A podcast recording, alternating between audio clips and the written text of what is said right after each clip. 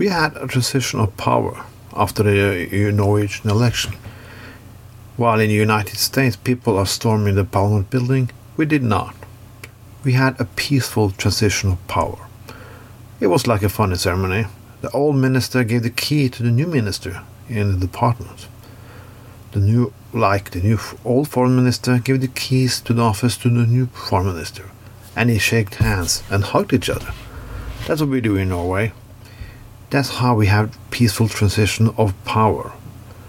We don't violent, we don't break down in the streets, but we can say what we will about the transition of power in Norway. But we got a new government. We got a new government. For people who think that things gonna change, yeah, they're gonna change a little bit. The hardcore conservatives will not screw workers right anymore, and the new government will give a little bit better conditions to unions and so on. But don't believe the hype, because the new government is as shitty on environment politics as the old one. One when it come to environmental politics, the left and the right government alternatives are just the fucking same.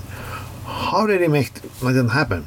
Well, they make it happen because they have printed in the truth in the population that it stands that only two major parties who can govern is the Labour Party or the Conservative Party. Yeah, we have more parties in Norway than we have in the United States, but nobody really believes that you can get an alternative without those two parties. And basically, like in the United States, those two big parties are exactly the same. Norway like to brag. They're good at bragging.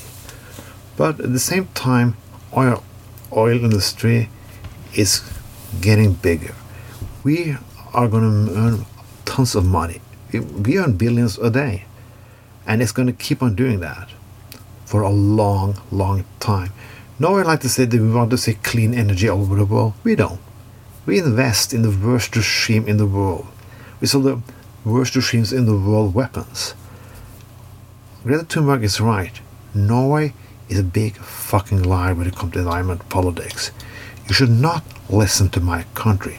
And other people will say like, oh wow, Trond, doesn't you love your country? Yes. I do. That's why I'm saying it because my country is not how it should be. If you love your country, you don't say yes to everything your country do. You don't accept all kind of bullshit people say. It's not like when people attack us for doing something wrong, you should stand by your country just because it's your country. Al Sharpton said it's not about black and white, but it's about right and wrong. Norwegian politics now is wrong. And we're trying to sell it as right. We're trying to pretend to the world that our oil and our gas is much cleaner than under other regimes' oil and gas. If we cut down, we will give the dirty, horrible fascist regime in the Middle East the power. Well, no, we will not. Because the, the horrible fascist regimes in in the Middle East are also working with the Norwegian oil industry. So all is a big fucking hoax. Don't believe Norwegian politicians when they talk about environmental politics. If they come from this government or the right wing government, it's exactly the same.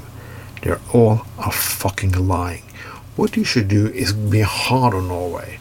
You should tell Norway what it, what it really is. Because we are not an environmental country. We are trying to use our power through our oil and gas industry to stop your development of clean energy. And that is a fucking load of BS. Yes. So, if you want to do something for the environment, don't listen to Norway. This was Trond with Trond Tells the Truth.